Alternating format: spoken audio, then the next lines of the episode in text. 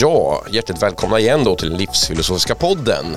Idag har vi valt ett ämne som jag tror är oerhört viktigt faktiskt för mänskligheten. Och det är filosofiska avtryck i historien, alltså avtryck, händelser som har fört mänskligheten framåt. Med mig i studion idag så har jag tre stycken filosofer plus mig själv. Och jag känner igen en. Todde, du är tillbaks. Ja, döm om min förvåning. Jag trodde aldrig skulle komma hit igen. ja, du gjorde en paus där i förra podden, ja. noterar jag. Ja. Har du saknat oss? Ja, jag har svårt att sova. Ja, jag förstod nästan det. Ja. Men eh, då kan jag i alla fall säga dagens ämne lite snabbt här då till dig. Eller du kan reflektera över det. Vad tyckte du om den här? Vad tror du om det här ämnet? Är det någonting? Ja, jag tror att det eh, tilltalar somliga människor, men inte alla. Men vi var speciellt intresserade av de här somliga som eh, tycker att filosofi är någonting intressant. Mm. Och med mig i studion här har jag också Alice. Välkommen hit, det är premiären för dig idag. Jajamensan, tack så mycket Petter. Ja, hur känns det då att sitta här i poddstudion? Ja men det känns eh, spännande. Ja, vad kul. Mm. Vad, hur ser du på filosofi annars då? Dagens ämne. Men det är så intressant med filosofi för jag tror att många tycker att det är pretentiöst, att det ska vara så himla märkvärdigt. Men egentligen är det ju rätt intressant. Det handlar ju om visdom. Mm, precis. Och nyfikenhet. Ja, mm. som man kan använda på så många olika sätt, ja. tänker jag, i livet. Och Peter, du är ju känd också här. Du brukar ju hålla i podden ibland också. Ja, jag har hållit eh, ett par poddar och um, det är också ett varmt uh, ämne för mig att få um, diskutera och prata om saker och ting som hjälper en att få en större syn tycker jag. Så det, det här med överblicken tycker jag är riktigt gott att ha med sig. Så det ska bli spännande att se vad vi kan köra ut idag. Och just så, överblick är väl precis det egentligen som det kommer att handla om idag egentligen. Vi tar ett grepp på hela egentligen eh, världshistorien mm. och evigheten som vi känner till den egentligen. Så att eh, då tänker jag så här, det första som jag då kan notera som någon slags filosofiskt avtryck eh, är ju faktiskt att vi får en planet här för 4,6 miljarder år sedan. Mm.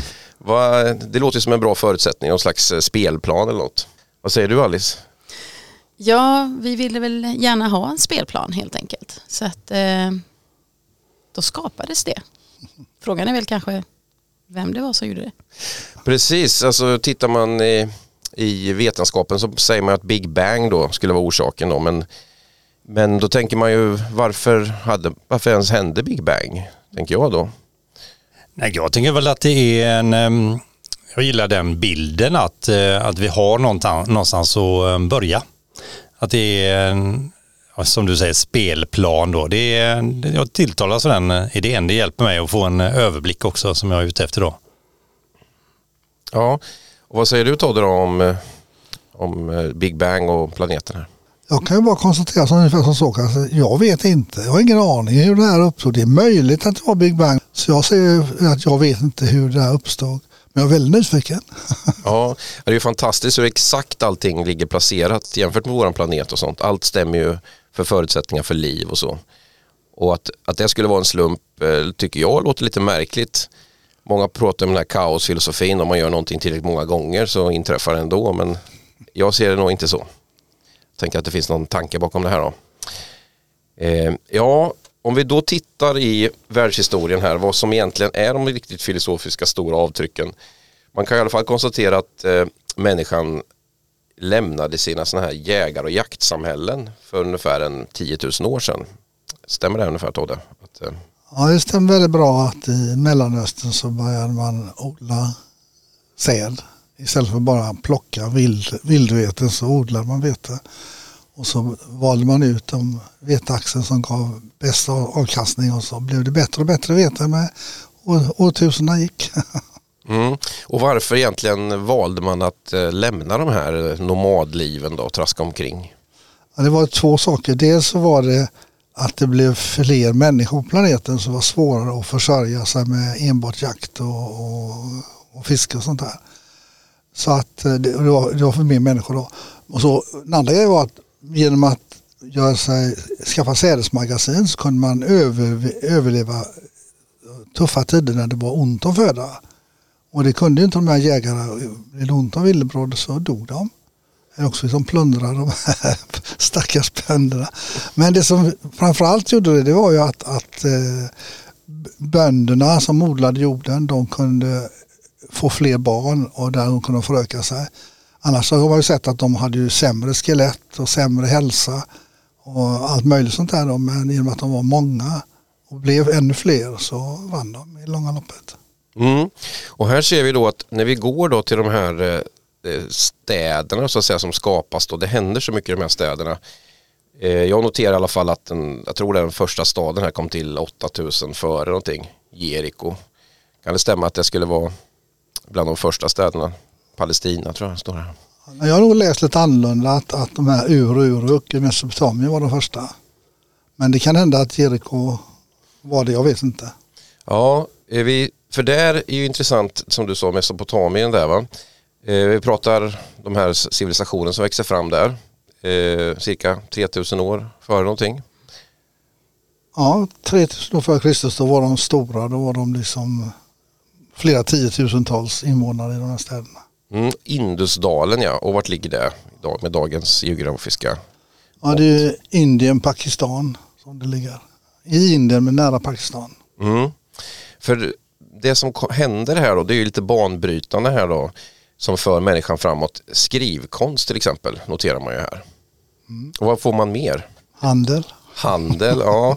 Eh, Jag har noterat också att lagar och domstol och sånt växer fram.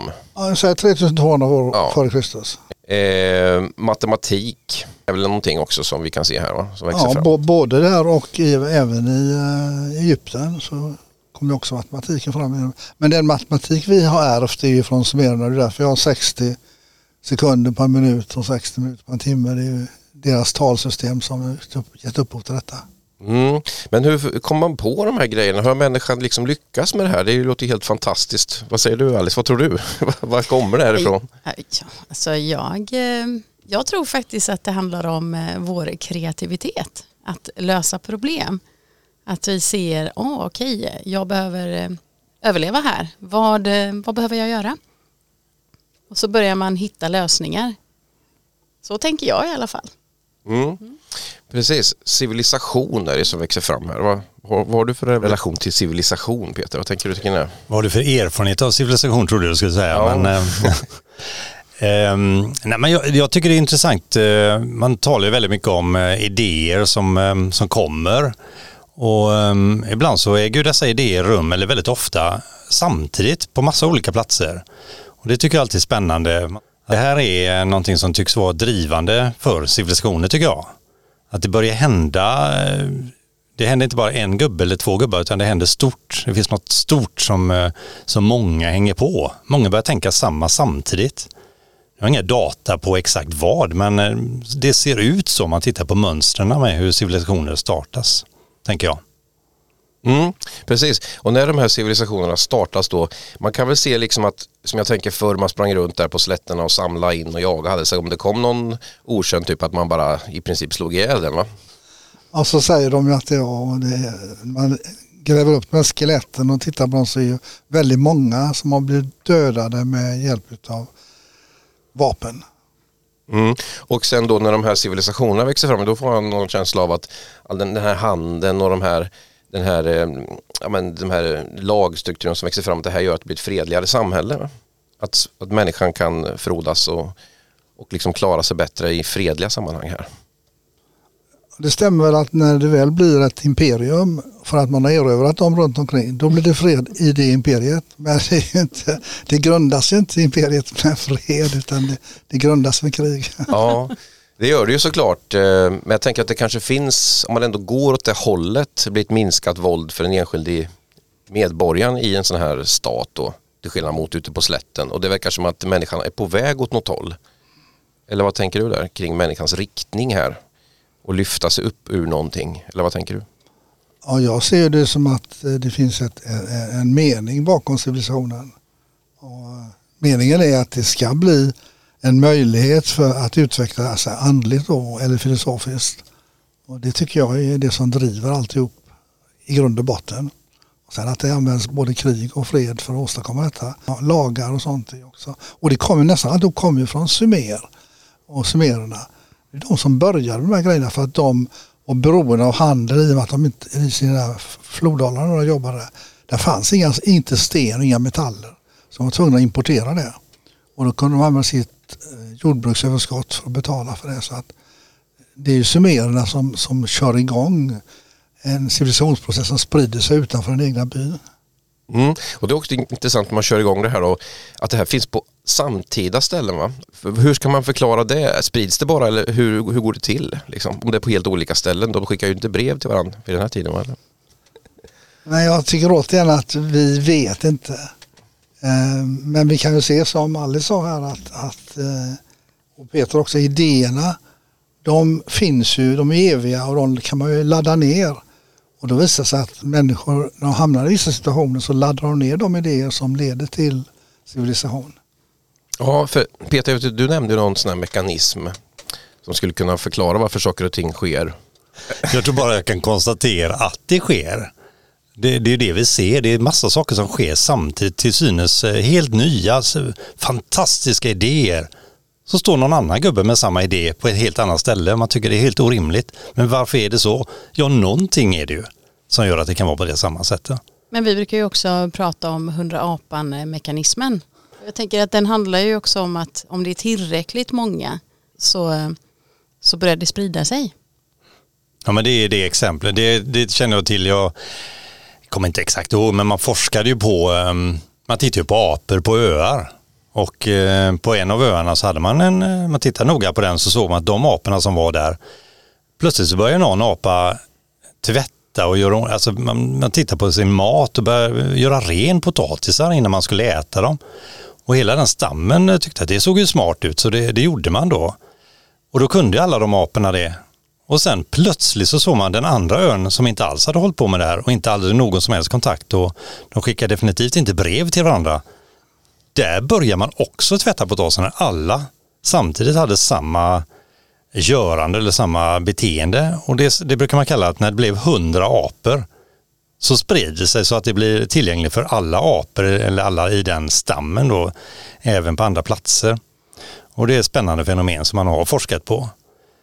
Fråga nu inte var, ja, man får slå upp det själv. Och det är många som har sagt att det inte stämmer. Men det var några som provade med maskar. Och så lät man maskarna krypa i ett rör och om de svängde till höger så fick de elchock och svängde åt vänster så var det grönt. Och sen när man hade gjort med några maskar så märkte man att det var lättare att lära nästa generation maskar det här. Så det fanns en hundrade mask. Experiment också. Ja. Men jag tänker också om vi tittar på eh, hur det funkar idag. Så när det kommer kanske några nya färger in eller nytt mode så är det många gånger man tänker att nej, aldrig i livet att jag tänker ta på mig det här. Så går det en tid och helt plötsligt så, så tittar man sig själv i spegeln och säger men gud vad snygg jag är. Så har man på sig precis det som man absolut inte kunde tänka sig att ha. Och då mm. tänker jag att det är tillräckligt, när det är tillräckligt många som börjar använda någonting eller tycka om någonting så hakar man på automatiskt nästan. Mm. Man inte ens tänker på att det har hänt. Jag vet inte, vad säger ni om det? Jag tycker det är en grej som är väldigt intressant, det är skrivkonsten. Hur kunde den sprida sig? Om en nu hittade på det här tecknet, hur fick han andra att haka på? Och hur fick de sen nästa generation haka på? Det är helt otroligt med den här, hur det sprider sig. Och det sprider sig över hela planeten. Det tar tid men det sprider sig. Då börjar jag tänka på telepati. Ja. ja, det vore fantastiskt om det liksom, eh, om man då man tänker sig att man vill skapa en bättre civilisation. Det är ganska mycket skit i världen, liksom, miljöförstöring och elände. Va? Om det kunde sprida sig då, det tänket då, så att alla liksom börjar göra något riktigt bra samtidigt. Det tycker jag vore en kanongrej. Mm. Om det skulle kunna hända. Det kanske det kan. Men det har väl hänt med miljörörelsen. Det började med att hon Rachel Carson skrev den här boken En tyst år. Och sen har det ju massor med politiska partier idag som gör anspråk på att gå i hennes fotspår. Ja, nej men det, det finns såklart, det är väl bra exempel att det händer saker men jag tänker det finns väldigt mycket övrigt att önska också som man skulle kunna göra. Men det kanske bara är att börja skapa det här och så kommer alla att hänga på. Eller men är man för naiv då? men det är väl det här med tillräckligt många. Att man ändå har den idén att får man tillräckligt många att eh, plocka upp de här idéerna så så kan man ju lyckas till slut. Mm. Mm, absolut. Vi kommer in på Egypten här. Här händer ju spännande saker. Kalendern, alfabet, eh, byggkonst, ingenjörer, de här pyramiderna som byggs då på ett helt fantastiskt sätt. Vad händer här egentligen? Man trodde ju att det var slavar som byggde pyramiderna. Och sen när man grävde ut de här städerna som uppstod i pyramidbyggarna så upptäcker man att det var ju faktiskt fria företagare som eh, på något sätt administrerade en massa människor till att bygga de här pyramiderna. Så det var, det var inte slavsam utan det var faktiskt fri företagsamhet. Mm. Och det här är samtidigt vad som Sumer ungefär. Ja. Ja, Och du nämnde ju alfabetet och det är ju en helt fantastisk uppfinning. Och så om man ser alla alfabet i hela världen idag har hämtat inspiration från den idén som egyptierna lanserade med, med bokstäver. Då. Och det har uppfunnits bara en enda gång till och det var i mayakulturen. Men den, det alfabetet är utdött så att alla idag fungerande alfabet har hämtat idén från Egypten. vi går vidare. Då hamnar vi faktiskt cirka 600 år före Kristus och är Greklands antiken här. Det är ju en otroligt spännande tid, den tiden på att snacka om eh, filosofi, för då har vi ju rätt många filosofer som eh, går på jorden, bland annat Sokrates som jag vet att ni har haft med i podden tidigare och haft diskussioner kring. Så han är ju väl eh, rätt välkänd och eh, började sprida filosofin på gatorna. Men det kanske inte alltid var så himla önskat då av alla, men eh, jag tycker att själva idén om att ställa frågor istället för att säga hur det är. är helt fantastiskt. Mm. Vi kommer in lite mer på Sokrates sen. I tidigare där cirka 600 för jag har noterat Pythagoras. Mm. Har du någon känsla för honom där Peter? Ja, men det är ju min favorit av någon outgrundlig anledning så um, har det alltid varit det. Jag menar, första gången var ju i skolan man fick lära sig Pythagoras sats. Ja, det är väl spännande i sig då, men uh, av någon anledning så hakar jag upp mig på honom. Um, och, alltså det här med filosoferna och som Alice säger, Sokrates kanske inte var så uppskattad. Eller de verkar inte ha varit i någon, utan uh, börjar man filosofera så, så rör man ju upp massa makthavares eh, ja, regler och idéer om hur saker och ting ska vara då ifrågasättande. Man får ju folket att börja tänka själv och sådana här fasansfulla saker som eh, de flesta makthavare verkligen avskyr. Och um, Pythagoras var ju verkligen inget undantag. Nu vet man ju tyvärr väldigt lite om honom men en sak vet man att han, um, han i alla fall um, spred läror som inte var särskilt uppskattat av den härskaren och han fick ju egentligen gömma sig. Jag har varit det och åkte ner till, han föddes på Samos, eh, grekisk ö då. Så jag var där, han hade grottor som han gömde sig, så jag var uppe i hans grottor. Det känns eh, jättehärligt att vara här och Pythagoras varit och jag. Ja, Häftigt. Matematiker då? Ja, filosof, matematiker, vetenskapsman. Mm. Han är jätteintressant och enligt legenderna då så åkte han både till Indien och träffade visa män där och till Egypten och träffade de som eh, innersta kretsarna som styrde Egypten. Och fick förmodligen med sig idéer därifrån. Så att eh, när han kommer tillbaka till Grekland så skapar han den här hemliga läran som, som inte får lov att skrivas ner eller, eller spridas utanför den sekten då.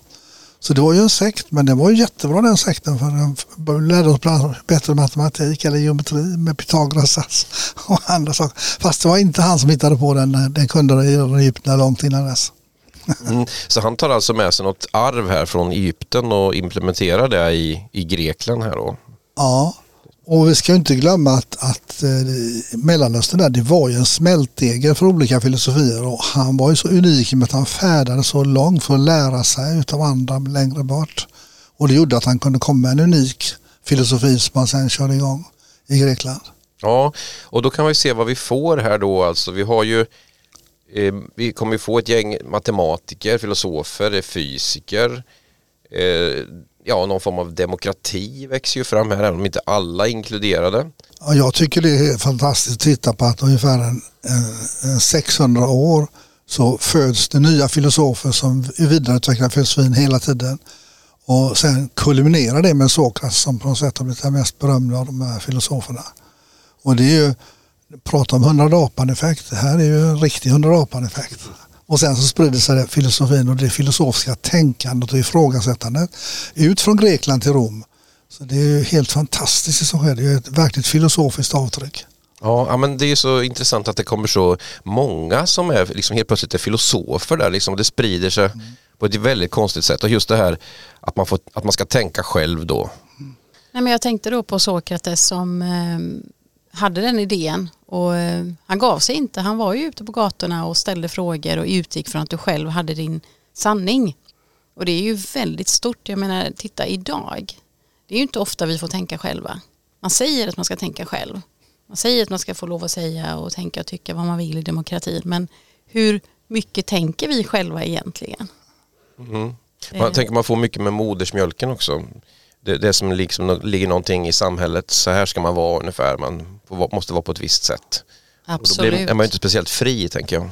Det är ju mycket kultur och det är moral och man brukar säga det att ställ frågan till eh, till barn när de är riktigt små då får du till riktigt coola filosofiska samtal. Det är rätt häftigt. Men sen så börjar man då anpassa sig till den världen och kulturen och miljön som man lever i idag och då blir vi begränsade. Och det är lite tråkigt men det är kul att vi sitter här och ställer frågor. Ja precis, vi försöker tänka själva i alla fall. Precis. Tänker du själv Peter? Ja, jag tänker själv. Jag tänker också på att eh, den här tidens filosofer de fick gömma sig. En del eh, blev dömda till döden, till exempel Sokrates då. Så eh, det, var, det, det är lite spännande att dra paralleller som Alice är inne på med nutiden också. Ja, eh, som sagt Grekland är ett väldigt fritt samhälle. Här för första gången kan vi i alla fall skönja demokrati. Att ja, alla får vara med och rösta, män, fria män i alla fall. Kvinnor har inte fått det än, slavarna får inte det. Har det här att göra med just att man tänkte själv? Ja, det, det har det därför. Men sen det här med tänker själv. Jag kan bara se på mig själv. Hur mycket av de tankar jag har har jag tänkt själv? Jag har ju fått mängder av tankar som har inspirerats av andra. Och jag vet ju faktiskt inte om det är rätt och sanna tankar jag har fått utan jag tror på de här. Så jag har en väldigt massa tro. En sak som jag tror då det är att i Grekland så bryter man mot, för första gången i världshistorien, mot det här med att mytologin, en massa konstiga gudar och sånt som, som skapar människans öde och formar oss alla, alla är slavar under det här. Och så säger man då, alla de här filosoferna, du kan tänka själv, du kan själv skapa din framtid. Det är ju helt unikt så det är klart att de här eh, styrande som tyckte att de skulle kontrollera befolkningen, de gillar inte det här. Men det är så en unik grej som händer i Grekland och som sen har spritt sig därifrån till speciellt Europa och européerna som sen far ut i världen. Men det, det, det är totalt banbrytande det som sker i Grekland de här, under de här 600 åren. Mm, för det är inget sånt här som händer samtidigt någon annanstans. Så att säga. Nej. Nej, det här är unikt. Ja. Och det är från Grekland som alla de här filosofiska tänka själv-grejerna kommer. Alltså sen går via Rom och via Paris och via London och USA och sånt där. Men det kommer från Grekland. Mm. Eh, ja, det här är ju då cirka 300-400 år före Kristus då som eh, det blir ett genomslag här i demokratin och så. Ja, Sokrates blev dödad 399 före Kristus. Mm.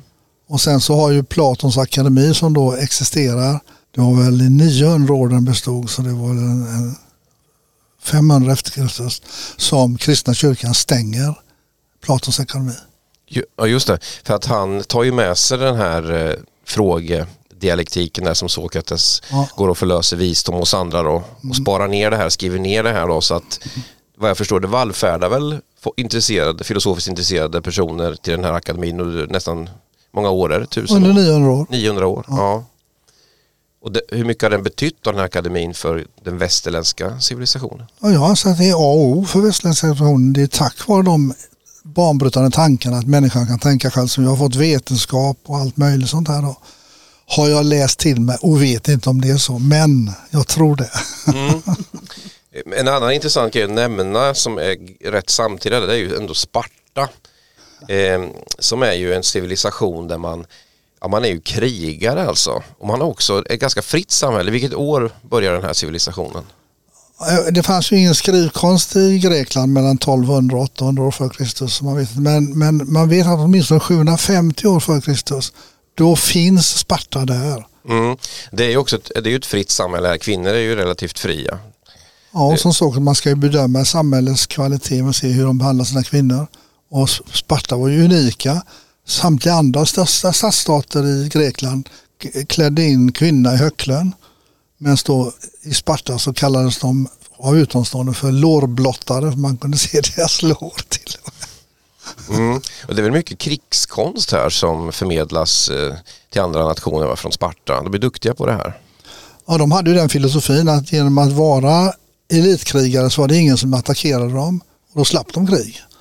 Och det har vi ärvt också med terrorbalans och sånt, kalla kriget och ingen ville starta krig för att det var kärnvapenhot. Så genom att ha väldigt kraftfulla vapen kan man avskräcka från krig. En liten paradox, intressant. Jag tänkte på att vi nämnt många greker och eh, runt det området men eh, det finns ju från Asien eh, med Buddha och ehm, Lao Tse före det väl som också varit starka filosofer. De kanske är värda att eh, åtminstone omnämnas. Bra att du sa det. Jag har ju noterat dem här men jag missar dem här. Eh, just det.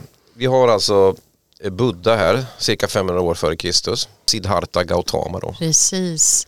Men han har ju bidragit jättemycket till vår civilisation för att han eh, gick väl rätt nära, det var väldigt, väldigt nära mellan Sokrates och, och Buddha. Men eh, han kom ju också fram till att man ska komma till insikt själv och att man har sanningen inom sig. Så det är ju väldigt likvärdigt så att det är ju det han är med och bidrar. Sen gillar jag ju då att han går ut från det här palatset där han levde en skyddad värld för att ta reda på hur verkligheten såg ut och väljer att göra den resan.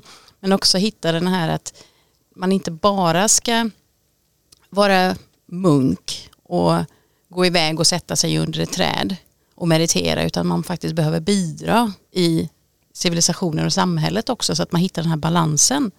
Det tycker jag är rätt häftigt. Sen är det ju mycket som har försvunnit på vägen. Buddha tyckte jag redan som eh, tonåring var intressant. Jag tycker, eh, eller buddhismen då som utvecklats, det var eh, jätteintressant för mig. Och ska jag vara riktigt ärlig så eh, kom det nog från att jag läste Tintin när jag var liten och han var i Tibet och tyckte det såg otroligt spännande ut. Så eh, jag åkte själv till Nepal i alla fall. Tibet var stängt när jag var där. Och eh, försökte komma i kontakt med buddhismen så mycket jag kunde. Jag tycker det är jättespännande just. Och det, det liksom anspelar på det här med att man själv kommer fram till saker och ting, det, det känns som att det är nyckeln i mitt intresse. Det, det jag gillar med buddhismen också, jag vet när jag var yngre så skulle jag forska lite religioner och så tänkte jag, ja, jag kollade in kristendomen, jag gillade Jesus jättemycket när jag var liten. Och sen så kollade jag in de olika religionerna och så kom jag fram till att nej, men buddhismen är den jag gillar bäst för den har ingen gud. Mm. Så det var ju min slutsats när jag mm. gjorde min sökning när jag var yngre. Mm. Ja, jag vet ju, du Todd har ju skrivit en bok också. Du har ju sammanfattat mycket av Buddhas idéer, den här boken Buddhas Dharma. Eh, hur kommer det sig att du skrev den? Ja, vi var ju i eh, Japan, jag och min fru. Och mm, på hotellrummet där så ligger en bok som heter Teaching of Buddha. Och sen så träffade vi en munk från klostret som var där bredvid. Och så pratade vi med honom och berättade att vi hade en buddhistisk skola i, i eh, Göteborg. Och då sa han att, och så sa han, berättade att jag började läsa den här boken. Så sa han, vilket rum bor du på? Och så sa jag det rummet och sa, ja men då ta den boken med dig hem och så lägger jag upp en annan bok där. så jag fick den boken. Och den är inspirationen bakom boken Buddha Starma som jag har skrivit. Mm. Och för er som är intresserade så finns den ju på, finns eh, att köpa på eh, bokus.com Adlibris bland annat. Både som eh, ljudbok tror jag numera och mm. även som inbunden bok då. Finns på Storytel också. För den som vill lyssna mer på Toddes bok. Då har vi de här andra då Todde. Vi har ju inte så stor koll kanske på Konfucius. Han har ju format de här eh, samhällena i både Kina och i eh, Indokina och Japan med sin filosofi. De har alla påverkas väldigt starkt av detta. Och en av grundtankarna som jag verkligen gillar. Innan du går till kejsaren så ska du se till så att du har din egen kropp i ordning. Och innan du um, gå till kejsaren efter att har fixat din kropp så ska du se till så att din familj är ordnad och snygg och prydlig. Och innan du går till kejsaren ska du dessutom fixa att den gruppen du är med så hur man prioriterar att de här samhället och, och är, är viktigare än individen jag gillar den tanken. Sen får det inte bli att man förslavas av den. Men det är någonting som vi i västvärlden egentligen behöver lära oss. Vi är ibland väldigt kritiska mot våra politiska ledare och sånt. Men vi har faktiskt valt dem. Och det måste vi respektera. Att det, vårt system har gjort att de blivit valda. Så vi ska nog begränsa vår kritik lite grann och istället för stödja de här ledarna så att vi får ett mer harmoniskt samhälle. Stämmer det att det här himlens mandat är hans grej? Eller? Ja, det är hans grej. Ja. Och det säger ju det att, att om folket mår bra då är kejsaren eh, skickad utav himlen för att re- regera. Och mår folket dåligt så är folkets plikt att avsätta kejsaren. Mm, det låter ju också så- som en rätt unik banbrytande grej egentligen. Vem, hade, liksom, vem kunde avsätta en kung liksom, eller en kejsare eller någon annan sån här som regent på det här sättet? Och samtidigt så har det hänt om och om, om igen. Varje dynasti när den är slut så är det ju kejsaren och den familjen som avsätts och sätter man dit en ny. Ja, det här var de här asiatiska olika personen, personerna då. Det, vi pratar ju, det är samtida som Sokrates ungefär, va? 500 år före Kristus. Jag vill säga en till grej där. Ja. Ehm, om man tittar på så levde ju Gautama Siddhartha före Sokrates. Och de, har väldigt liknande sätt att resonera på. Som till exempel någon av eh, Gautamas lärjungar som säger du är den visaste man som någonsin har levat. Och då frågar han honom, känner du alla som har levat? Före mig?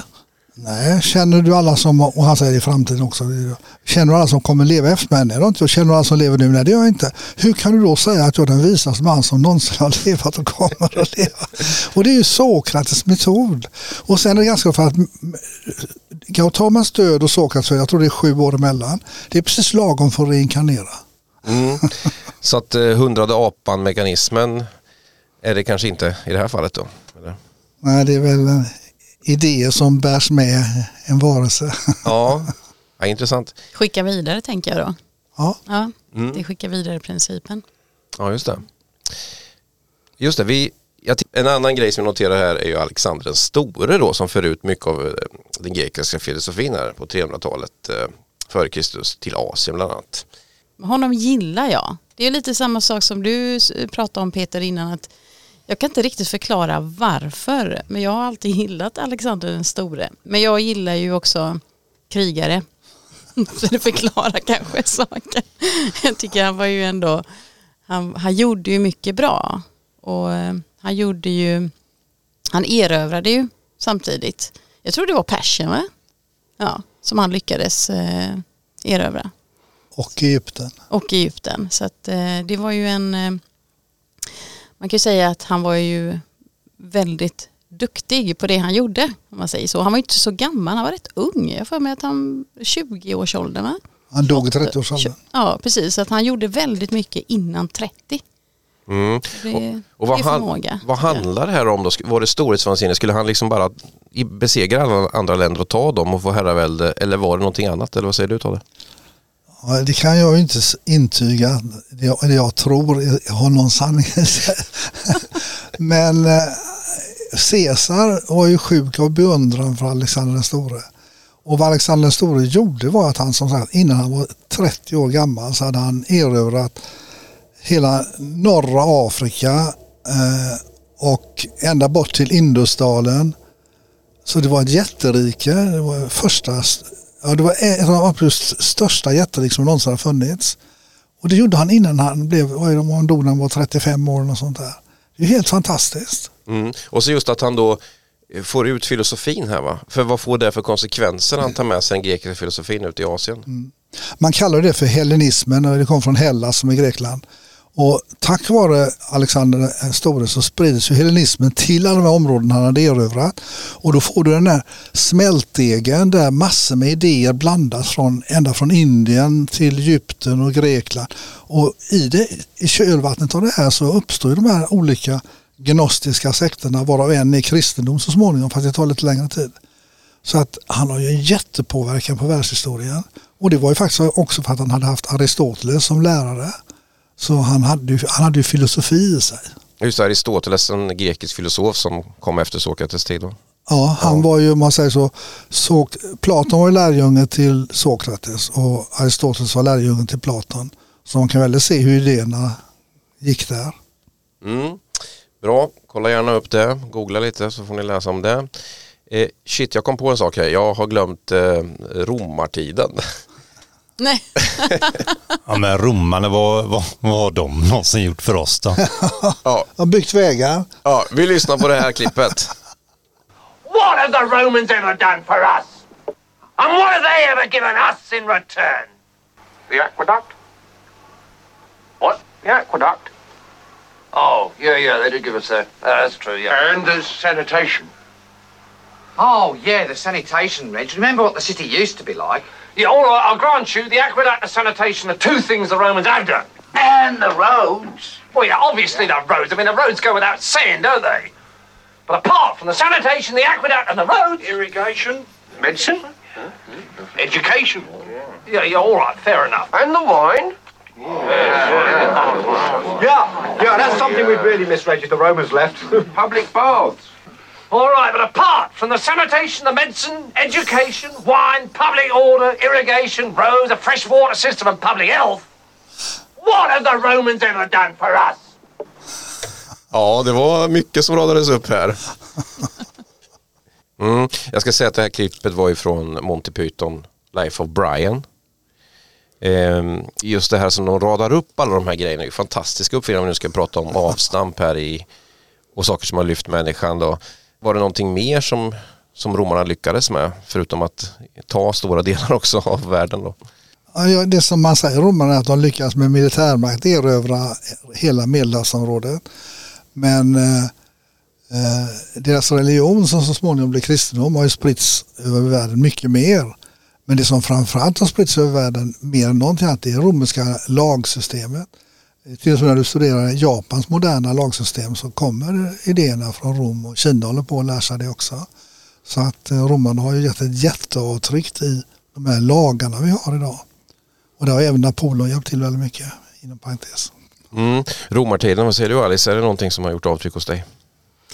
Ja, absolut. Eh, Jag var förtjust i Caesar också när jag var yngre. Det kanske finns en röd tråd där. Jag gillar både Alexander den stora och Caesar. Och krig. Och krig, ja. Det har ju varit väldigt mycket krig och på gott och ont givetvis. Ibland är det bra och ibland är det dåligt. Eh, Men jag tycker att romarriket är ju otroligt, alltså de, det har ju påverkat oss mycket. Men samtidigt så verkar ju vi glömma av vilka som har påverkat oss. Lite så som Monty Python, det är ju att vad har de gjort för oss? Vi har en tendens att glömma det.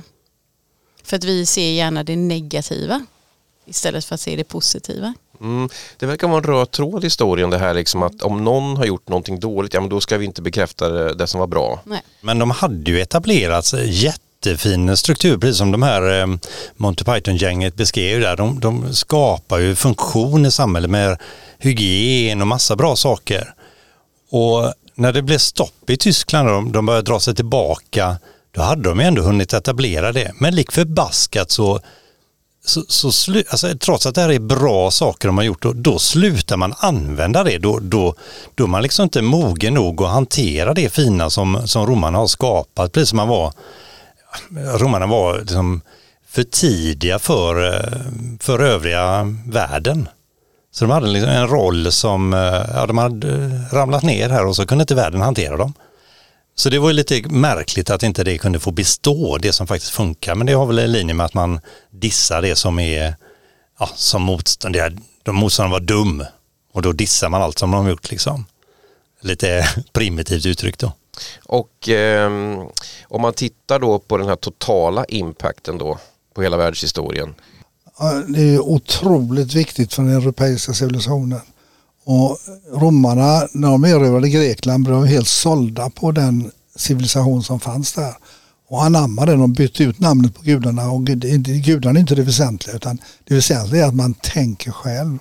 Och det fick det romerska filosofer som tog upp då, så här hela stoicismen är ju en vidareutveckling, romersk variant utav den grekiska filosofin. Och den genomsyrade hela romarriket så att filosofin spred sig via Rom då. Och det gick inte under med eh, Roms fall utan det fortsatte att existera i, i medeltiden. Och sen när upplysningen och det kommer då tar man ju tillbaka de här grejerna man har förlorat och vidareutvecklar det och får ett ännu, ännu bättre, speciellt politisk filosofi. Det är ett annat kapitel. Vi går vidare. Jag har skrivit upp här eh, kristendomen här då. Här börjar man eh, inkludera Eh, alla är lika, även slavar då. Eh, vad säger ni om kristendomen? Är det någonting som behövdes för oss? Ja, det tror jag absolut. För att eh, vi, eh, på det sättet så börjar ju folk kunna växa och de börjar våga säga, alltså tala, börja tänka själva. För jag tror att det är rätt viktigt att känna sig inkluderad för att våga tänka själv. För att eh, när jag tänker själv i fel sammanhang så kanske risken att jag inte får leva är rätt stor. Så då behöver man ju bygga ett samhälle och en civilisation där, man, där det finns ett tillåtande att faktiskt tänka själv. Och det tror jag ändå är någon form av start kring kristendomen, att det sprider sig, att fler får lov faktiskt att tänka själva. Mm. Vad säger du Peter? Ja, men jag tror att det var en nödvändighet eh, att eh, kristendomen kunde utvecklas och man började Eh, jämna ut de här olikheterna och, och så inkludera för att man skulle få eh, eh, möjlig, ja, därifrån en expansionspotential då. Att man kunde liksom få med alla på ett annat sätt än, än det hade varit tidigare. Så tänker jag på en annan sak som, eh, alltså när man startar någonting så är det oftast väldigt rent från början och jag menar i kristendomen så sa man ju att eh, sök sanningen. Så det var, det var ju liksom tydligt att man skulle själv söka sanningen. Det försvann ju sen. Så man får ju också backa tillbaka och se vad var grunden, vad var syftet i starten med kristendomen. Och det är nog sånt som har försvunnit på vägen och många inte känner till.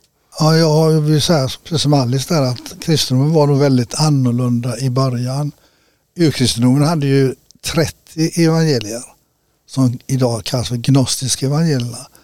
Och sen har vi då Konstantin den store som hade sett hur kristendomen hade spridit sig tack vare sitt budskap att alla är lika inför Gud och det appellerade till alla som inte var med eliten som styrde samhället. Så alla slavar och kvinnor tyckte det var fantastiskt att, att de var lika inför Gud. Den Konstantin den store tar kristendomen och gör den till romersk statsreligion så skrotar han ju nästan alla de här 30 evangelierna, behåller fyra evangelier. Och det är det som, som sen kristendomen grundas på de fyra evangelierna. Men den, den riktiga filosofiska ådran försvann med de andra evangelierna. Sen finns det lite grejer kvar i de här fyra evangelierna. Och så har det Paulus brev. Så Paulus tar över ledarrollen i kristendomen och gör den till någonting annat. För det som försvann egentligen från de här gnostiska grejerna då, det var väl mycket det här, eh, alltså karmatänk till exempel, med handlingarnas viktighet och sånt va? Absolut. Ja, för det är ju väldigt likt, tänker jag också, lite buddhistiska grejerna här. Absolut. Ja. Så och det var det som uppstod, den där smältdegen som Alexander den store skapade. Ja, jag tänker att eh, del ett av den här filosofiska avtrycken närmar sig sitt slut. Eh, jag vill tacka er som kom. Tack Alice och Peter och Todde. Vi fortsätter nästa gång med del två av den här spännande filosofiska avtryckshistorien. Spännande.